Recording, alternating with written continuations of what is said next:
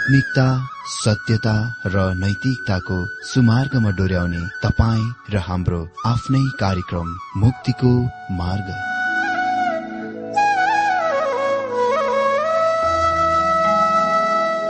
आदरणीय श्रोता यस मुक्तिको मार्ग कार्यक्रममा हार्दिक स्वागत छ।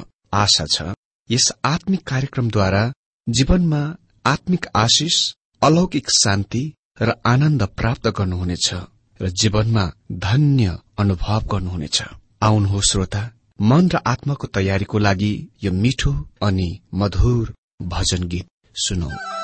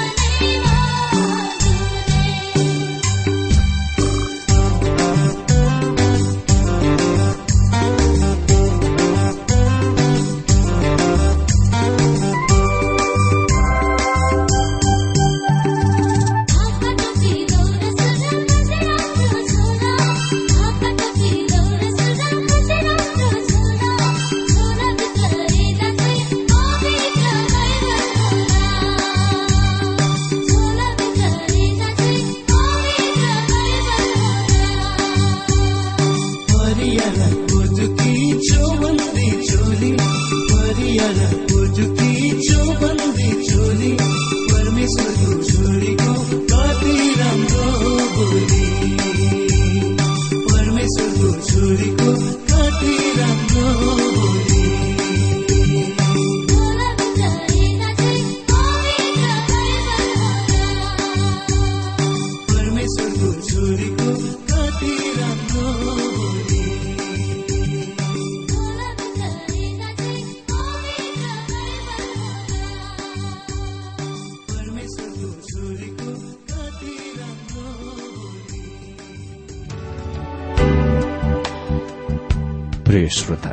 प्रसारण मार्फत यो अवगत गराउन चाहन्छौ कि प्रभुको सेवाको लागि यहाँहरूको साझेदारी नित्यन्त आवश्यकता छ। यहाँहरूले प्रार्थनाको साथसाथै आर्थिक सहायता गर्न अनुरोध गर्दछौ। तपाईँहरूको सानो भन्दा सानो भेटी किन नहोस्? हामी प्रभुको नाममा स्वीकार गर्नेछौ। प्रभुको सेवाको लागि। तपाईँहरूको यो सानो लगानीले कसैको जीवनमा भिन्नता ल्याउँछ अनि प्रभुको महिमा हुन्छ। प्रभु तपाईँहरूलाई महान गरी आशिष दिनुहुनेछ। इच्छुक श्रोताहरूले तपाईँको इच्छा भेटी हाम्रो ठेगानामा पठाउन सक्नुहुन्छ जुन ठेगाना हामी कार्यक्रमको अन्तमा दिनेछौ। मित्र आज पनि तपाईँ सबैलाई मेरो प्यार भरा नमस्कार अनि जय मसे म तपाईँहरूलाई यो अवगत गराउन चाहन्छु कि आजदेखि हाम्रो प्रकाशको पुस्तकबाटको अध्ययन अन्तिम हो। आशा गर्दछु कि तपाईँहरूले यस पुस्तकबाट धेरै धेरै आत्मिक आशिषहरू प्राप्त गर्नुभयो। अनि यदि तपाईँहरूसँग कुनै प्रश्नहरू छन् यस पुस्तकको सम्बन्धमा तपाईँहरूले लेख्न सक्नुहुनेछ र हामी तपाईँहरूलाई बुझाउने कोसिस गर्नेछौ। अनि म यो आशा गर्दछु कि तपाईँहरूले निश्चय पनि यस पुस्तकबाट को अध्ययनमा धेरै नै आत्मिक कुराहरू सिक्नुभयो। त मित्र आउनुहोस् अब हामी आजको वचन अध्ययनमा प्रवेश गर्नभन्दा पहिले छोटो प्रार्थना गरेर आरम्भ गरौं। प्रभुजी तपाईँको वचन जुन हाम्रो आत्मिक खोराक हो यसको निम्ति हामी रित्तो खाली हृदय लिएर आएका छौं। भरिदिनुहोस् तृप्त गराउनुहोस् र यसलाई जीवनमा लागू गर्न सहायता गर्नुहोस्। प्रत्येक मित्रहरूलाई तपाईँको हातमा राख्छु। ज जसले सुनिरहेका छन् आशिष दिनुहोस्। धन्यवाद तपाईँले हाम्रो प्रार्थना सुन्नुभएको लागि। येशु ख्रिस्टको नाममा यो प्रार्थना माग्छु। आमेन। मित्र अघिल्लो दिनमा हामीले प्रकाश बाइस अध्याय एकदेखि पाँच पदबाट वचन अध्ययन गरिरहेका थियौं जहाँ हामीले देख्यौं जीवनको पानीको नदी र जीवनको रूख। आज हामी प्रकाश बाइस अध्याय छदेखि एक्काइस पदबाट वचन अध्ययन गर्नेछौं। र सर्वप्रथममा हामी देख्नेछौ ख्रिष्टको वापस फर्काई। आगमनको प्रतिज्ञा। प्रकाश बाइस अध्याय छ सात पदमा यस प्रकार लेखिएको छ।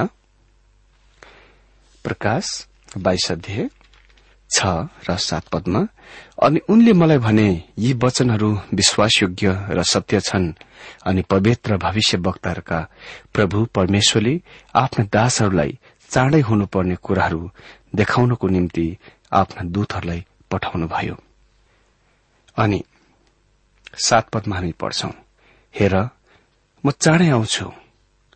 यस पुस्तकका भविष्यवाणीका वचनहरू जसले पालन गर्छ ऊ धन्य हो। ध्यान दिनुपर्ने महत्वपूर्ण कुरा यो हो कि जब उहाँ भन्नुहुन्छ हेर म चाँडै आउँछु।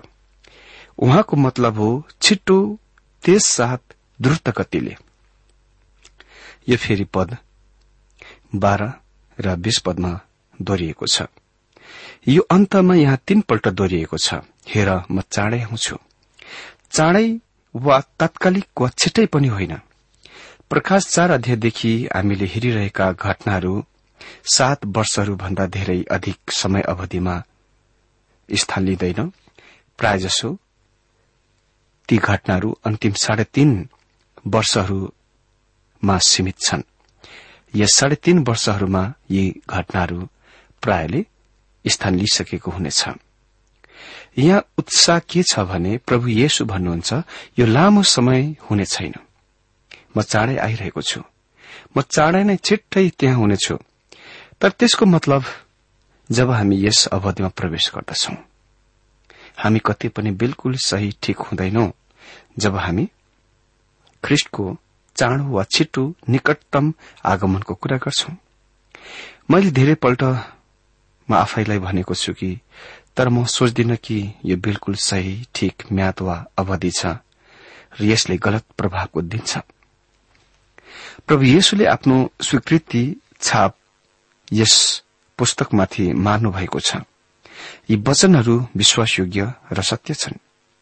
यसको मतलब यो हो कि कसैले तिनीहरूलाई आत्मिकीकरण गरेर वा अर्थविहीन प्रतीकहरूमा घटाएर मान लिएर तिनीहरूसँग खेलाची गरेर व्यवहार गर्नु हुँदैन। वा हल्का फुल्का रूपमा लिनु हुँदैन। हाम्रा प्रभु वास्तविकताको बारेमा कुरा गरिरहनु भएको छ। यो पुस्तकको आरम्भमा ती मानिसहरूमाथि आशिषको घोषणा गरियो। जसले यी वचनहरू पढ्छ सुन्छ र पालन गर्छन्। अन्तमा प्रभु येशुले ती मानिसहरूमाथि आशिषहरूको दोहोऱ्याउनुहुन्छ जसले यी वचनहरू पालन गर्छन्। यो पुस्तक शारीरिक मानिसको जिज्ञासालाई सन्तुष्ट गर्न खाली मात्र होइन तर यस मुताबिक हिँड्न र जिउनु पनि हो व्यावहारिकतामा पनि। अनि आठदेखि एघार पदमा भनिएको छ अनि म युहानले यी कुराहरू देखे र सुने। अनि जब मैले सुने र देखे तब मलाई यी कुराहरू देखाउने स्वर्गीय दूतलाई दण्डवत गर्न म उनको पाउको अघिल्तिर घोप्टो परे। तब उनले मलाई भने हेर तिमीले यसो नगर किनकि म त तिम्रो संगीत हुँ साथै तिम्रा भाइहरूको अर्थात भविष्य वक्ताहरूको र यस पुस्तकका वचनहरू पालन गर्नेहरूको संगीत हुँ। परमेश्वरलाई नै दण्डवत गर। अनि उसले मलाई भने यस पुस्तकका भविष्यवाणीका वचनहरूमा छाप लगाऊ किनकि समय नजिकै छ। जो अधर्मी छ जो अझै अधर्मी होस् अनि जो अशुद्ध छ त्यो अझै अशुद्ध होस् अनि जो धर्मी छ ऊ अझै धर्मी होस् अनि जो पवित्र छ ऊ अझै पवित्र होस्। यो कुराको ध्यान दिनुहोस् युहन्नको अन्तिम र पटक पटक दोहोरिएको कथनको। उनी यी दर्शनहरूको दृश्यहरूको दुवै लेखक र दर्शक पनि थिए। यो नै विधि हो जुन यो पुस्तकको आरम्भमै लेखिएको छ। यो सर्वप्रथम टीभी कार्यक्रम हो किनकि युहानले दुवै त्यसको सुने र देखे। युहान अति नै धेरै प्रभावित भए कि उसको स्वाभाविक प्रतिक्रिया घोप्टो परेर स्वर्गीयदूतलाई दण्डवत र आराधना पूजा गर्न पुग्यो। स्वर्गीयदूतको नम्रता भोलापन एकदमै मनमा छाप पार्ने कुरा छ। यद्यपि स्वर्गीय दूतलाई मानिसमाथिको उच्च दर्जामा सृष्टि गरिए तापनि यो स्वर्गीय दूत आफैलाई युहनासँग र अन्य भविष्य वक्ताहरूसँग र अन्य विश्वासीहरूसँग सहकर्मी संघी सेवकको रूपमा पहिचान गर्दछन्। आफैलाई त्यस्तो रूपमा लिँदछन्। उनी मानिसहरू कहाँ परमेश्वरको वचन दिने सन्देश भाग मात्र थिए र उसले सम्पूर्ण आराधनाको उपासनाको परमेश्वरतिरै फर्काउँदछन्। उसले सम्पूर्ण आदर महिमा उहाँलाई नै दिन्छन्। ख्रिष्ट यो पुस्तकको केन्द्र मुख्य पात्र हुनुहुन्छ। उहाँको दृश्य कहिले पनि नगुमाउनुहोस्। यस पुस्तकका भविष्यवाणीका वचनहरूमा छाप नलगाऊ। दानियललाई दानियल बाह्रको चार पद अनुसार उसको भविष्यवाणीको परिपूर्णता अघि वा पहिले लामो अन्तराल विरामको कारण उसको भविष्यवाणीको छाप लगाउन भनिएको थियो। वास्तवमा हामी एक्कीसौं शताब्दीमा दानियलको सत्तरीौं हप्तामा अहिलेसम्म आइपुगेका छैनौं। उही समयमा युहानालाई दिइएको भविष्यवाणी पनि पूरा हुने वा परिपूर्ण हुने प्रक्रियामा थियो। अनि दुई हजार वर्षदेखि चर्च मण्डली प्रकाश दुई र तीन अध्यायमा दिइएको सात चर्च वा मण्डलीको अवधि समयहरूमा भएर गइरहेको छ गुजरिरहेको छ। जो अधर्मी छ जो अशुद्ध छ सम्भवत पापमा गुमेका निन्दित मानिस भयानक अवस्था यहाँ प्रकट भएको छ। जुन विश्व अध्ययको सेतो सिंहासनको दण्ड वा न्यायमा भन्दा भयानक अवस्था यहाँ प्रकट भएको छ। पापमा गुमेको र निन्दितको पापूर्ण अवस्था स्थायी वा सधैँको र अनन्तको कुरा हो। यद्यपि यो निश्चल स्थिर होइन। किनकि यहाँ संकेत यो छ कि अधर्मी अझ अधिक धेरै अधर्मी बन्दछ। जो अशुद्ध छ त्यो अझै धेरै अशुद्ध होस्। पापमा गुमेका निन्दित व्यक्ति तबसम्म झन खराब खराब हुँदै जान्छ बन्दै जान्छ। जबसम्म पापको दैत्य साह्रै क्रूर खराब व्यक्ति बन्दैन। यो विचार एकदमै भयानक र भयभीत छ। अर्कोतिर परमेश्वरको सेवक दासको अवस्था निश्चल वा स्थिर छ। तिनीहरू निरन्तर धार्मिकतामा र पवित्रतामा बढ़न वृद्धि हुन जारी हुँदछन्। स्वर्गीय निश्चल स्थिर होइन। हजार वर्षीय राज्यमा पनि उहाँको राज्यको वृद्धिको विकासको अन्त हुने छैन।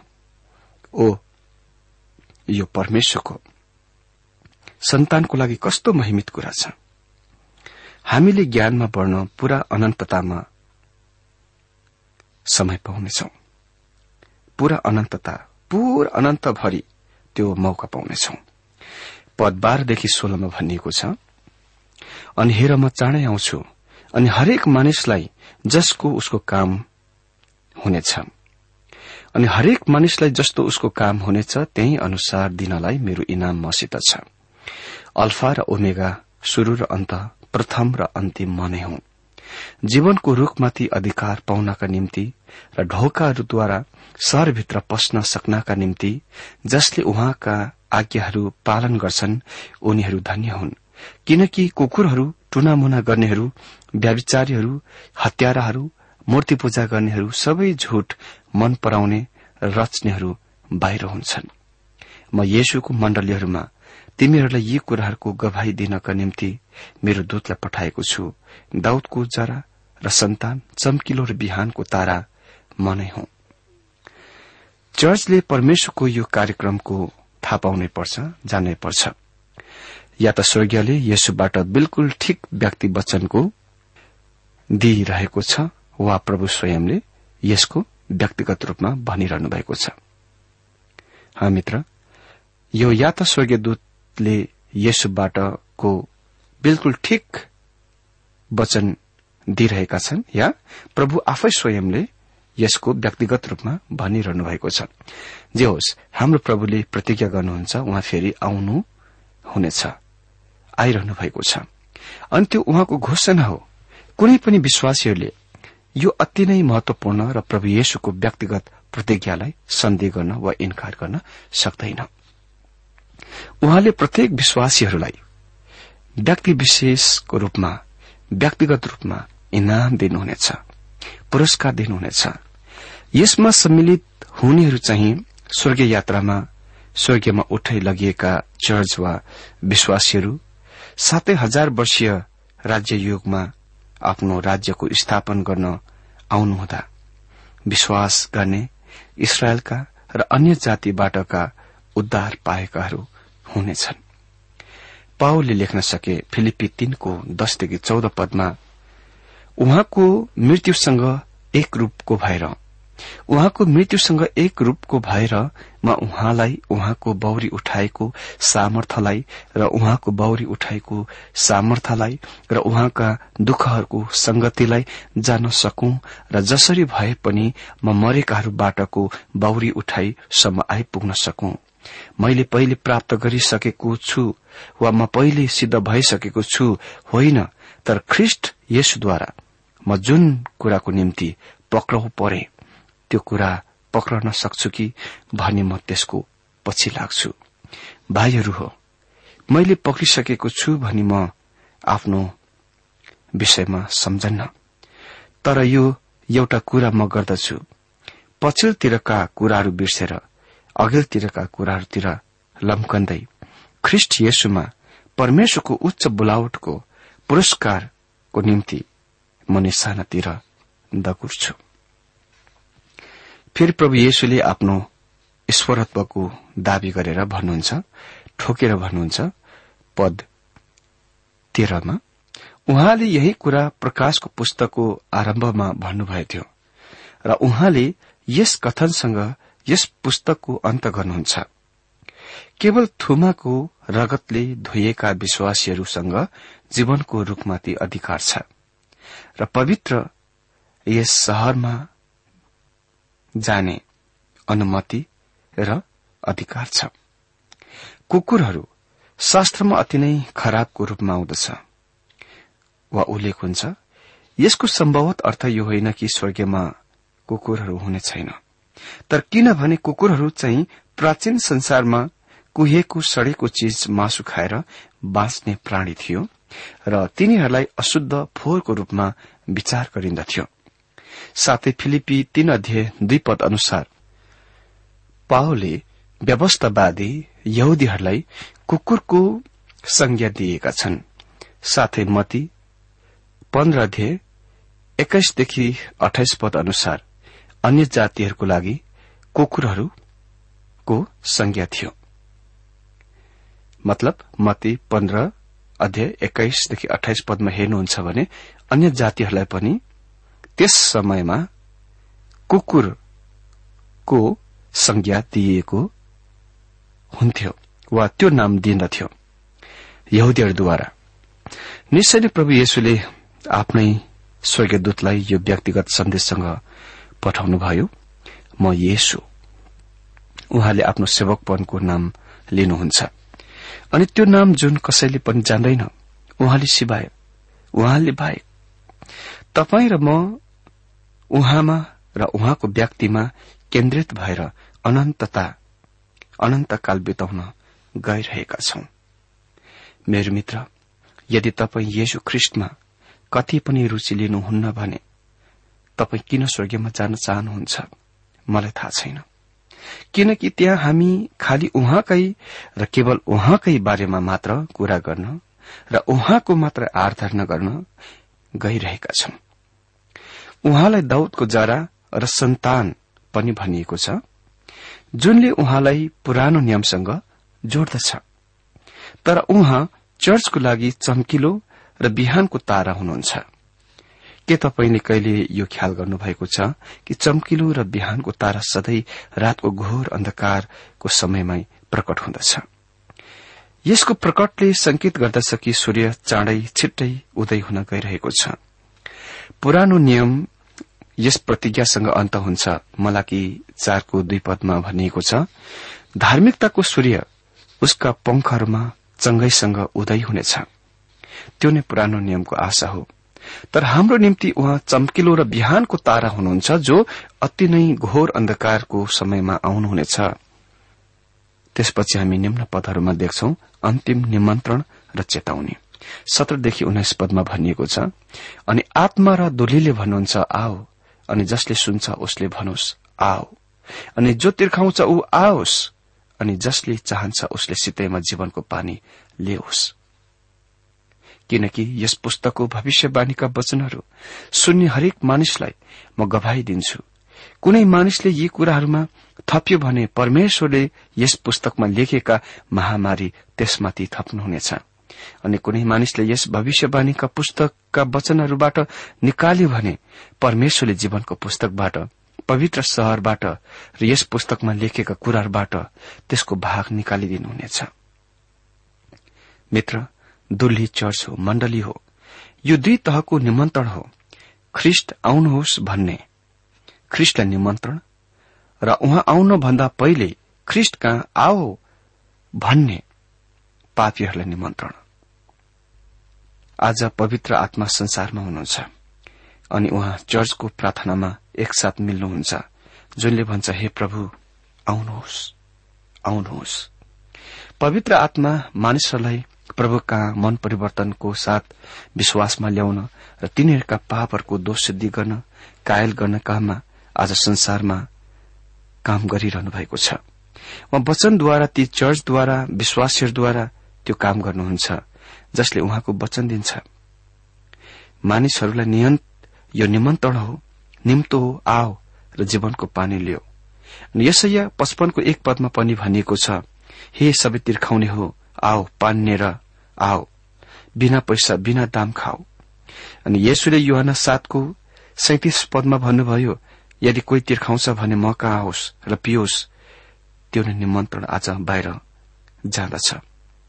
यदि तपाईँ यो संसारको सागर रूपी पानी पिउँदा पिउँदा तपाईँको प्यास मेटिएको छैन र तपाईँ थाक्नु भएको छ भने उहाँ तपाईँलाई उहाँ कहाँ आउन निमन्त्रण दिनुहुन्छ? त्यसपछि निम्न पदहरूमा हामी देख्छौ अन्तिम प्रतिज्ञा र प्रार्थना। बीस र एक्काइस पदमा भनिएको छ यी कुराको गवाई दिनुहुनेले भन्नुहुन्छ साँच्ची नै म चाँडै आउँछु। आमेन। जियो आउनुहोस् हे प्रभु हे येशु।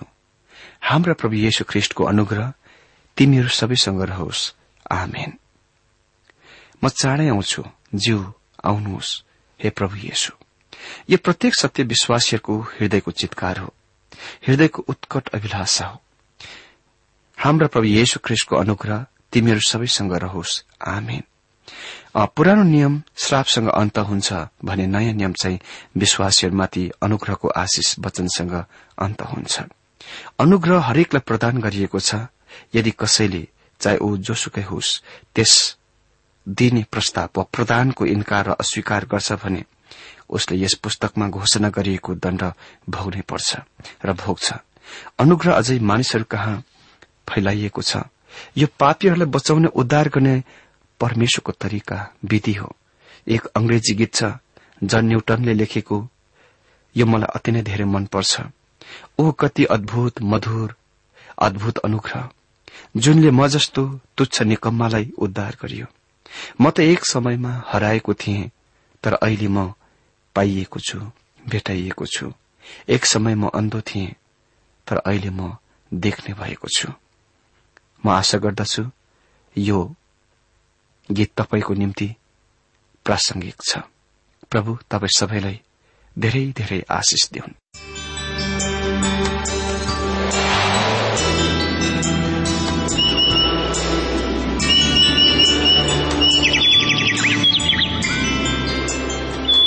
प्रिय श्रोता अहिले भर्खरै तपाईँले टीडब्ल्यूआर नेपालद्वारा संचालित आत्मिक कार्यक्रम मुक्तिको मार्ग सुनिरहनु भएको थियो। श्रोता आजको यो कार्यक्रम सुनेर तपाईँलाई कस्तो लाग्यो? यदि यो कार्यक्रम सुनेर मनमा कुनै खुल्दुली वा कुनै प्रतिक्रिया अर्थात सुझावहरू छन् भने हामीलाई पत्रद्वारा लेख्न सक्नुहुनेछ।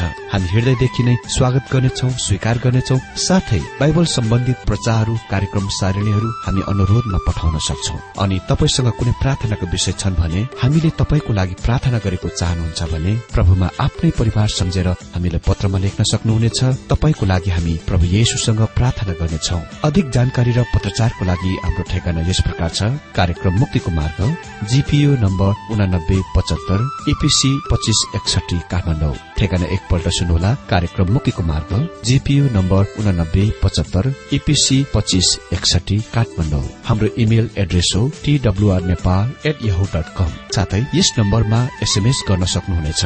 अन्ठानब्बे चार सत्तरी पैतिस छ सय उनासी नौ आठ चार सात जिरो तीन पाँच छ सात नौ। हुन्छ श्रोता आजलाई हामी विदा चाहन्छौ। अर्को कार्यक्रममा हामी पुनः भेट्नेछौ तबसम्मलाई नमस्कार।